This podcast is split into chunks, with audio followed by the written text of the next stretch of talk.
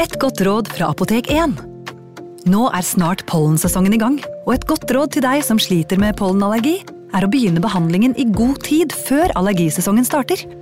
Da får du nemlig enda bedre effekt av legemidlene, og så blir ikke våren din helt ødelagt. Kom innom og få råd på ditt nærmeste Apotek 1, eller chat med oss på apotek1.no. Apotek 1 vår kunnskap, din trygghet.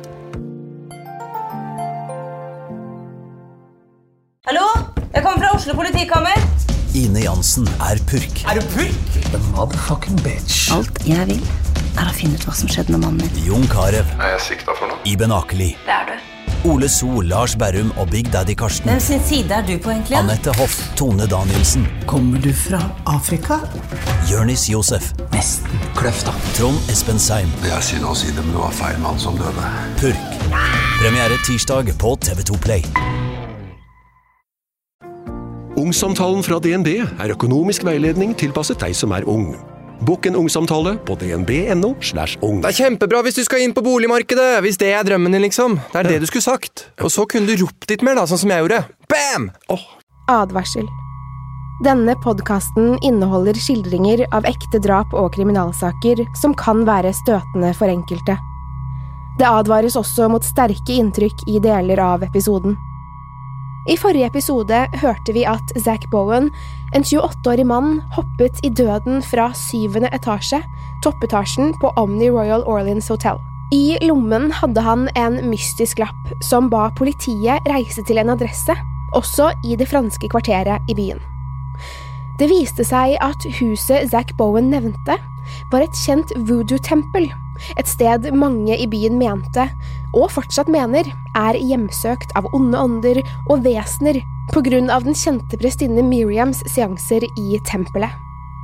Zack, en tilsynelatende vanlig familiemann, ba politiet reise dit, for han hadde drept kjæresten sin. I leiligheten over tempelet fant politiet et oppstykket lik. Deler ble funnet i kjøleskapet, i gryter på komfyren og i ovnen. Som tatt ut av en skrekkfilm blir åstedet beskrevet av etterforskerne som et av de verste drapsstedene de noen gang har vært på. Ingenting i senere tid heller kan måle seg med det de fikk oppleve der. Zacks dagbok beskriver hva som skjedde, og hans beskrivelse er noe av det dere skal få høre i denne episoden. Hold dere fast, og velkommen til True Crime Podden.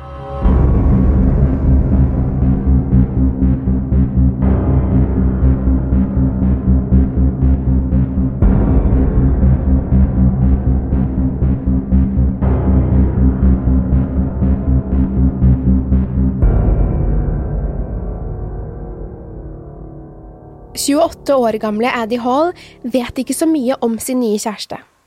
Hun vet at han har vært i militæret, at han er fra California, men ikke så mye mer. Zack snakker sjelden om seg selv, så da Addy får vite at Zack er gift og har to barn, blir hun først overrasket, så rasende. Addy vil ikke blandes inn i noe familiedrama. Hun er en fri sjel, en Puerto Rican som lever her og nå. Hun prøver å komme seg bort fra det konformative livet hun husker så godt fra hjembyen i North Carolina. Addy er fra en liten by. Hun hadde en ganske trøblete oppvekst med rus og krangling.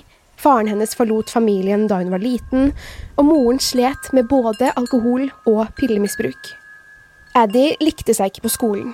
Hun hatet regler og syntes de som føyet seg etter samfunnets normer, var en saueflokk hun ikke ville ha noe å gjøre med. Addy trengte noe nytt i livet sitt, og etter videregående flyttet hun sørover og endte opp i byen som fanget hennes hjerte, New Orleans. Addy skrev dikt, noveller og musikk. Hun leste Nietzsche, Kant og Rumi, og fant sin egen sannhet i deres tekster, enda så forskjellige disse store tenkernes verdenssyn kanskje var. Addy hadde også en fascinasjon for det mørke og okkulte. Hun likte å kontakte ånder fra fortiden med spiritismebrettet sitt, og mente at hun kunne kommunisere med den andre siden. Det var også denne fascinasjonen for slik mystikk som ledet henne til å interessere seg for voodoo. Det er ikke helt klart hvor voodooens opprinnelse stammer fra. Det finnes delte meninger om akkurat det. Noen mener den stammer fra Haiti, og andre sier at før religionen kom til Haiti under den franske kolonitiden, ble den praktisert i Vest-Afrika. Det er også stor sannsynlighet for at voodooen kom med de afrikanske slavene til Haiti og andre deler av Karibien, så vel som Louisiana og New Orleans. Voodoo betyr ånd, og hovedtroen er at naturen er bevisst, at mennesker og dyr lever i takt med naturens krefter. Det finnes en gud, men man tilber også flere ånder som skal ha makt over dyr og mennesker, i tillegg til naturen. Man ber til både guden og de forskjellige åndene, for åndene har ulike egenskaper de hersker over. Noen hersker over det onde, mens andre hersker over det gode. Når de troende ber, er det vanlig å ofre noe, eller å gi ånden en gave. Det kan være hva som helst. Planter, parfyme, mat, drikke, alkohol, klær, og i noen tilfeller egne eller andres eiendeler. Det er her de som praktiserer voodoo mener de er misforståtte, for religionen har fått et dårlig rykte, mye pga. popkulturen og desinformasjon. Voodoo er egentlig en positiv religion som er ment for å guide mennesker gjennom livet, og særlig være en hjelp i vanskelige perioder. I popkulturen blir voodooen sett på som en hevnaktig religion, der f.eks. dukker lages og brukes for å forbanne, skade eller til og med drepe noen. Voodoo blir også sett i sammenheng med onde ånder, spøkelser og gjenferd. Den kanskje mest kjente skikkelsen i voodooen, i alle fall popkulturelt, er Madame Laveau, voodoo-dronningen av New Orleans. Hun var usannsynlig vakker og hadde evner som gjorde henne både mystisk og magisk. Hun ble kalt dronningen av svart magi og er blitt en legende i New Orleans. Til og med i dag besøker folk graven hennes og legger igjen offergaver som mynter, steiner, rom smykker og annet for at hun skal hjelpe dem hvis de har problemer. Hun ble født på starten av 1800-tallet. Foreldrene var frigitte slaver som hadde opparbeidet seg en stor formue. Bestemoren hennes på morens side var slave som ble tatt fra Haiti til New Orleans, og det var hun som lærte barnebarnet om svart magi og voodoo, sies det.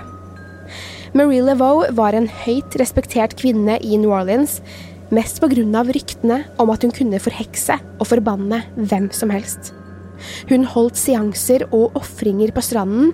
Det sies at seansene ofte besto av store orgier, og at prominente statsansatte deltok. Da hun døde i 1881, kom alle byens innflytelsesrike mennesker i begravelsen, livredde for at hun skulle forhekse dem fra den andre siden.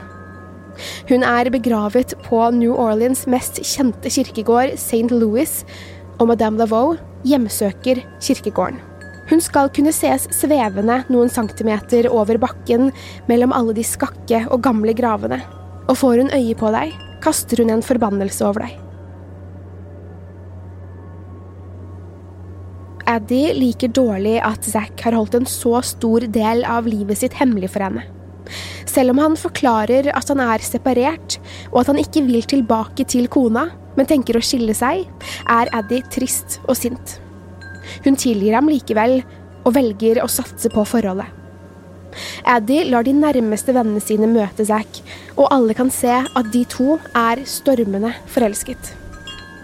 Det tar ikke lang tid før vennene til både Zack og Addy blir vitne til en litt annen del av forholdet deres. Begge liker å drikke tett, og begge pleier å bli ganske fulle når de er ute på byen. Problemet er at Zack er sjalu, og Addy elsker å terge ham. De krangler hver gang de har drukket, høylytt så det blir ubehagelig for alle i nærheten, uavhengig om de kjenner paret eller ikke. De blir heldigvis alltid venner igjen, men forholdet kan karakteriseres som turbulent og flere som kjenner de to, spør seg om Zack og Addy egentlig burde være sammen. Zack ringer mammaen sin og forteller om Addy, at de har truffet hverandre i noen måneder, og at han er stormende forelsket. Zacks kone Lena får også høre om forholdet, og hun blir veldig lei seg. Hun er hjemme med de to barna. Hun har fått flere helseproblemer etter hepatittdiagnosen, men jobber likevel fullt for å klare å betale regninger og å forsørge barna. Hun trenger hjelp fra Zack, både at han tar seg tid til familien, særlig barna, men også at han bidrar økonomisk hjemme. Lena forteller i et intervju at hun ofte lot være å spise middag, slik at barna hennes isteden skulle få legge seg mette om kvelden. Zack levde livet i New Orleans sammen med Addy. Men det var noe som skulle komme til å ødelegge både dem og hele byen. Ute i havgapet samler en voldsom orkan styrke. Meteorologene har fått øye på orkanen, og den er på vei rett mot det sørøstlige USA med enorm kraft. Det de ikke vet, meteorologene, er hvor kraftig den skal bli. Det prates om orkanen Katrina i nyheter, på radio, i lunsjpause på jobben og rundt middagsbordene. Jo nærmere Katrina kommer, jo flere blir advarslene fra myndighetene. Til slutt oppfordrer bl.a. guvernøren, politi og brannvesen i Louisiana, særlig i området rundt New Orleans, sine innbyggere til å evakuere. Orkanen kan potensielt ta liv, og myndighetene kan ikke garantere for sikkerheten til de som blir igjen i byen. Vettskremte mennesker setter i gang med å sikre husene sine så godt de kan. De spikrer igjen vinduer og dører, tar med seg så mye de kan av eiendelene sine som ikke kan erstattes, for eksempel familiealbum, klenodier og andre saker som ikke kan kjøpes for penger. De vet rett og slett ikke hva de kan risikere å komme tilbake til, og om hjemmet deres i det hele tatt vil være der etter orkanen. Dessverre er det en del mennesker som ikke har noen steder å evakuere til, særlig i utkanten av New Orleans. De har kanskje ikke familie eller kjente andre steder, og de har heller ikke penger til å reise bort. De må bli igjen i byen og vente ut stormen. Myndighetene har gjort klart gymsaler, lagerbygg og bomberom, men det er ikke plass til alle. Noen er nødt til å bli i husene sine, vel vitende om at de risikerer livene sine der. Familien til Zack Bowen hører ikke noe fra han i dagene før Katrina skal treffe New Orleans, selv om de prøver å kontakte han. Lena er helt sikker på at Zack skal komme hjem til henne og barna, men heller ikke hun hører noe fra ham. Den siste kvelden før Katrina skal treffe, ringer han. Zack ringer til moren sin og sier at han har bestemt seg for å bli i New Orleans sammen med Addy, for hun er redd og har ikke mulighet til å reise hjem. Lena blir rasende når hun hører det, men snakker ikke med Zack. Folk rømmer New Orleans. Den en gang så yrende byen er helt tom. Butikker er stengt, barer og restauranter er stengt, og folk har forlatt husene sine. Zack og Addy føler de er nesten alene i byen. De har kjøpt inn mat, vann og masse alkohol. Skal de være innestengt i Addys leilighet i dagevis, kan de like godt ha det moro, tenker de. Himmelen over New Orleans er svart og tung. Den er nesten elektrisk, og luften er så tett at det er vanskelig å puste. Det er ingen vanlige lyder igjen. Dyr og fugler har for lengst rømt byen. Ikke engang insekter er igjen. Det er mørkt både om dagen og om natten. Solen trenger ikke gjennom det tykke, ladde skydekket som er på vei over byen. Det begynner først å regne. Litt, så kraftig, og luften står nesten stille. I det fjerne kan voldsomme drønn høres, lyden av stormen, torden og lyn. Den første natten tar regnet seg opp, og vinden blåser trær og master over ende.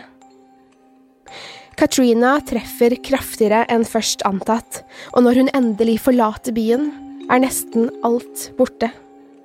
Cirka 80% av byen ligger under vann, 200 000 hus og bygninger er ødelagte, og 1800 mennesker er døde.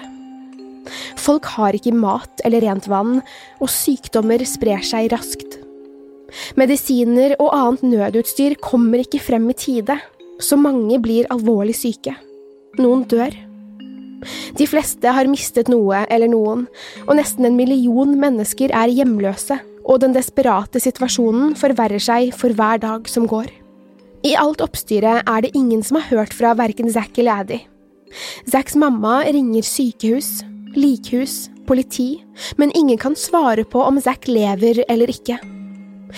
Det ingen vet, er at Zack og Addy har overlevd orkanen, men i motsetning til mange andre har de hatt sine livs beste dager. De har barrikadert seg i Addys leilighet, en bygning som ikke ble så skadet som mange andre. De har drukket rom, pratet og blitt bedre kjent. De er faktisk enda mer forelsket enn før. Første livstegn fra paret er i et TV-intervju hvor noen journalister intervjuer dem fordi de hjelper folk i nabolaget. De gir dem vann, griller mat og deler ut tepper. Det virker som om Zack og Addy elsker unntakstilstanden i New Orleans, og de sier til en avis at de trives med det gode samholdet etter orkanen. Selv om ingen av dem innrømmer det til noen andre enn seg selv, ønsker begge to at situasjonen ikke skal forbedre seg. De liker å leve litt lovløst, uten strøm og vann, og bare hverandre å bry seg om. Etter hvert begynner New Orleans å komme seg tilbake til normalen igjen. Vannet trekker seg tilbake, strømmen kommer på, og nødutstyr som mat, medisiner og vann sendes fra hele landet. Og når hverdagen kommer tilbake igjen, blir også forholdet mellom Zack og Addy verre. De krangler igjen, og Zack forteller Addy at han vil treffe barna sine oftere, noe Addy ikke liker i det hele tatt. Hun liker ikke barn, og vil ikke at Zack skal ha noe kontakt med verken Lena eller dem. Addy tar på seg mer jobb for å komme unna kranglingen, men siden Zack også jobber på samme sted, krangler de også på jobb. Addy, som er en utadvendt jente, liker å snakke med gjester når hun er på jobb. Hun ler høyt og danser på bardisken, og Zack blir voldsomt sjalu. En gang så går det så langt at han slår ned en bargjest for å se på og snakke med Addy, og Zack får sparken. Han tar jobb på en annen bar, men kranglingen mellom paret stopper ikke. Flere ganger ser Addys kolleger at hun kommer på jobb med blåmerker på kroppen, halsen og i ansiktet, men hun forklarer det bort. Addy sier at hun og Zack skal flytte sammen, og at hun sikkert bare har fått blåmerkene under flyttingen. Zack og Addy har funnet en billig leilighet på 826 North Rampart Street, i etasjen over voodoo-tempelet. I tiden før flyttingen sliter Zack med voldsomme mareritt. Han våkner om natten, gjennomvåt av svette, og skriker i panikk eller redsel. Noen ganger, hvis Addy prøver å trøste ham, dytter han henne bort og slår etter henne. Han vil som oftest være alene etter marerittene, og setter seg gjerne i stuen og drikker sprit. Zack er full hele dagen og ringer jobben og sier han er syk. Likevel tenker Addy at det skal bli bedre når de flytter sammen. Det blir ikke bedre når de flytter sammen. De krangler fra første stund, og plutselig går det galt. Zack og Addy krangler en kveld, og Zack er så sint på kjæresten sin at han slår henne så hun detter i gulvet. Før Addy klarer å reise seg, er han over henne. Zack kjenner et svart hat bygge seg opp i ham, og legger hendene sine rundt halsen hennes. Han klemmer til, så hardt han klarer, og dunker hodet hennes i gulvet. Addy kjemper en stund. Hun prøver å få ham til å løsne grepet, men det er forgjeves. Zack ser at øynene hennes stikker ut av øyehulene, tungen hennes presses mellom tennene så hun nesten biter seg i den. Addy stirrer på Zack, men øynene hennes mister glans, som om de svever av gårde til en annen dimensjon. Til slutt ser de bare tomt ut i luften, og kroppen hennes slutter å kjempe. Hendene hennes slipper taket rundt hans og detter livløst ned på siden.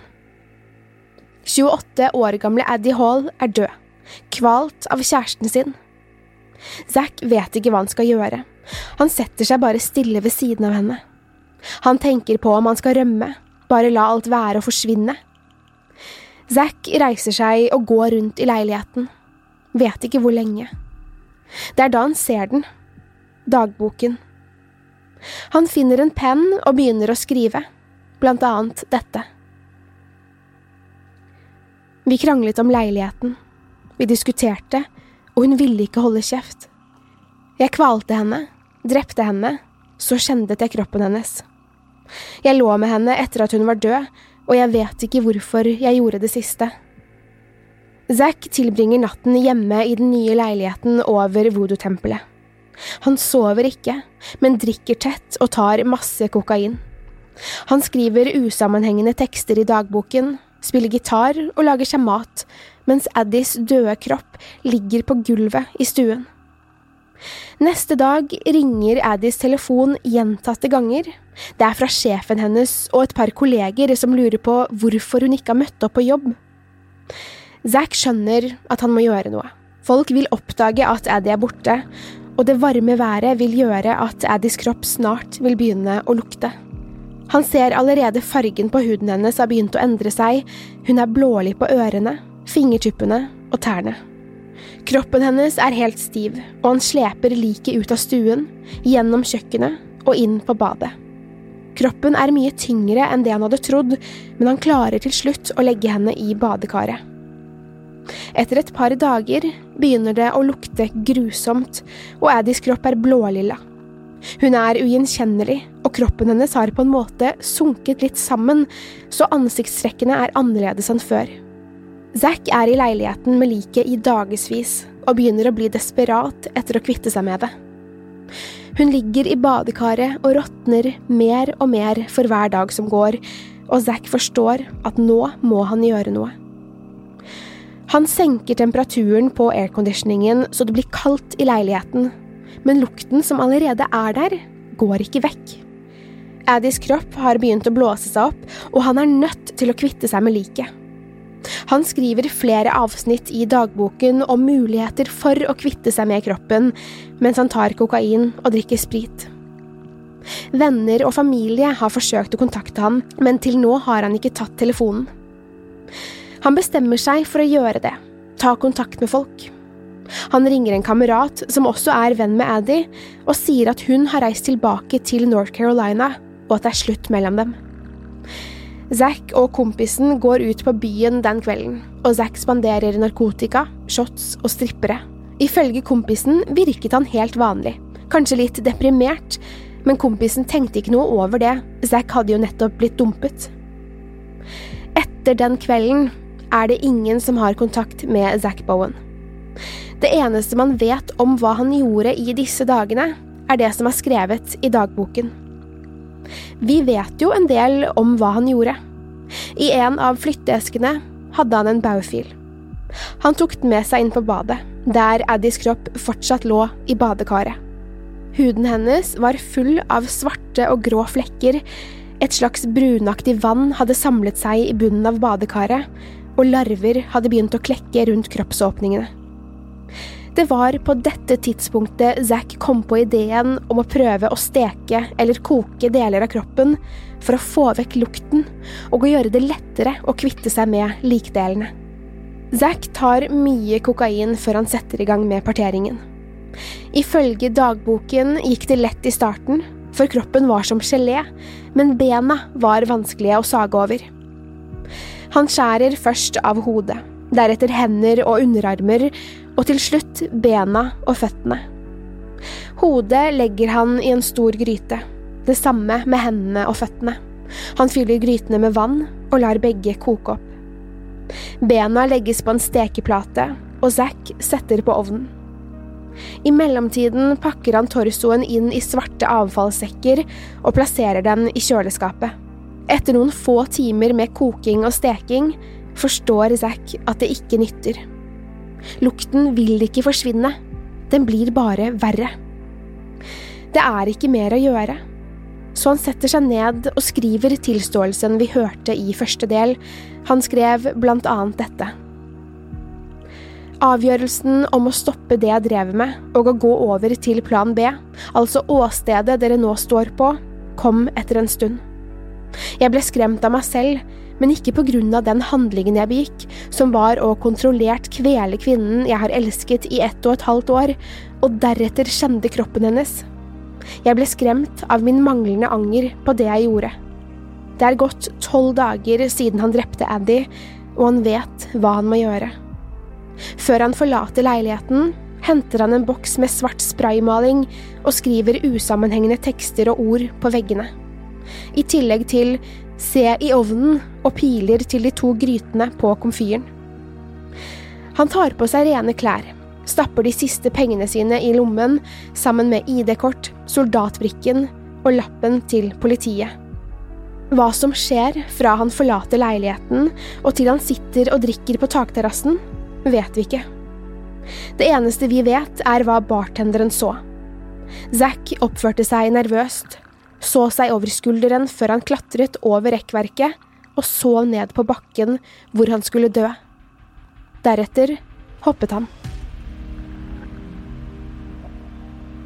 Historien om Zack og Addy er blitt veldig kjent, og mange har dekket den. Hvorfor saken kalles voodoo-mordet er for meg ukjent, da voodoo ikke viser seg å ha så stor betydning i saken, annet enn at Addy var interessert i religionen, og at de flyttet inn over voodoo-tempelet til prestinne Miriam. Huset de bodde på i 826 North Rampart Street, er i dag et museum og brukes fortsatt som voodoo-tempel. Etasjen der Zack og Addy bodde, var lenge stengt, men de siste par årene har nyhetsteam og TV-produksjoner fått filme der inne. Selv om alle spor etter drapet er borte, mener de som driver tempelet i første etasje, at de kan høre lyder og skrik fra etasjen over. Såkalte paranormale etterforskere, som TV-serien Paranormal Lockdown og Ghost Hunters, har etterforsket leiligheten, og episodene kan sees på eksempel YouTube. Hvis det er interessant for dere, selv om det er litt utenfor tema, så finnes episoden om leiligheten laget av Paranormal Lockdown på flere strømmetjenester, i alle fall på tidspunktet denne episoden spilles inn. Det er sesong to, episode ti, og heter Rampart Street Murder House. Igjen forlater vi New Orleans, byen vi har besøkt flest ganger i denne podkasten. Det er nok ikke siste gang vi kommer hit. Dersom du liker True Crime-podden, vil jeg anbefale at du sjekker ut andre lignende podkaster fra moderne media, som for eksempel Historiepodden og Skrekkpodden. De kan høres overalt der du lytter til podkast, som for eksempel iTunes eller Spotify. Igjen må jeg få takke for alle innsendelser med tips til episoder, særlig til dere som foreslår litt andre saker enn Ted Bundy, Charles Manson og Gypsy Rose-saken. Dere hjelper oss med å vise at true crime handler om mer enn bare hva man ser på film og TV. Vi får såpass mange henvendelser at vi dessverre ikke får svart alle lenger, men vi prøver så godt vi kan å gå gjennom alle mailer og DM-er på Instagram. Takk for engasjementet, og takk for god hjelp. Jeg setter stor pris på dere. True Crime Podden er produsert av moderne media. Mitt navn er Pernille Tufte Radeid, og jeg vil takke Håkon Bråten for produksjon, lyd og musikk. Dersom du liker denne podkasten, gi oss gjerne fem stjerner i iTunes. Til neste gang, pass på deg selv, og takk for at du har hørt på True Crime Podden.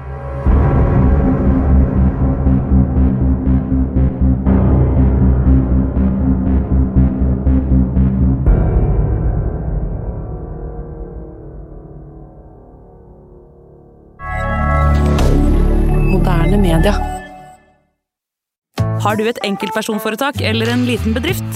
Da er du sikkert lei av å høre meg snakke om hvor enkelt det er med kvitteringer og bilag i fiken, så vi eh, gir oss her, vi. Fordi vi liker enkelt. Fiken superenkelt regnskap. Hei! Takk for at du lytter til True Crime Podden. Skulle du ønske at du kunne høre en ny episode av denne podkasten hver eneste uke?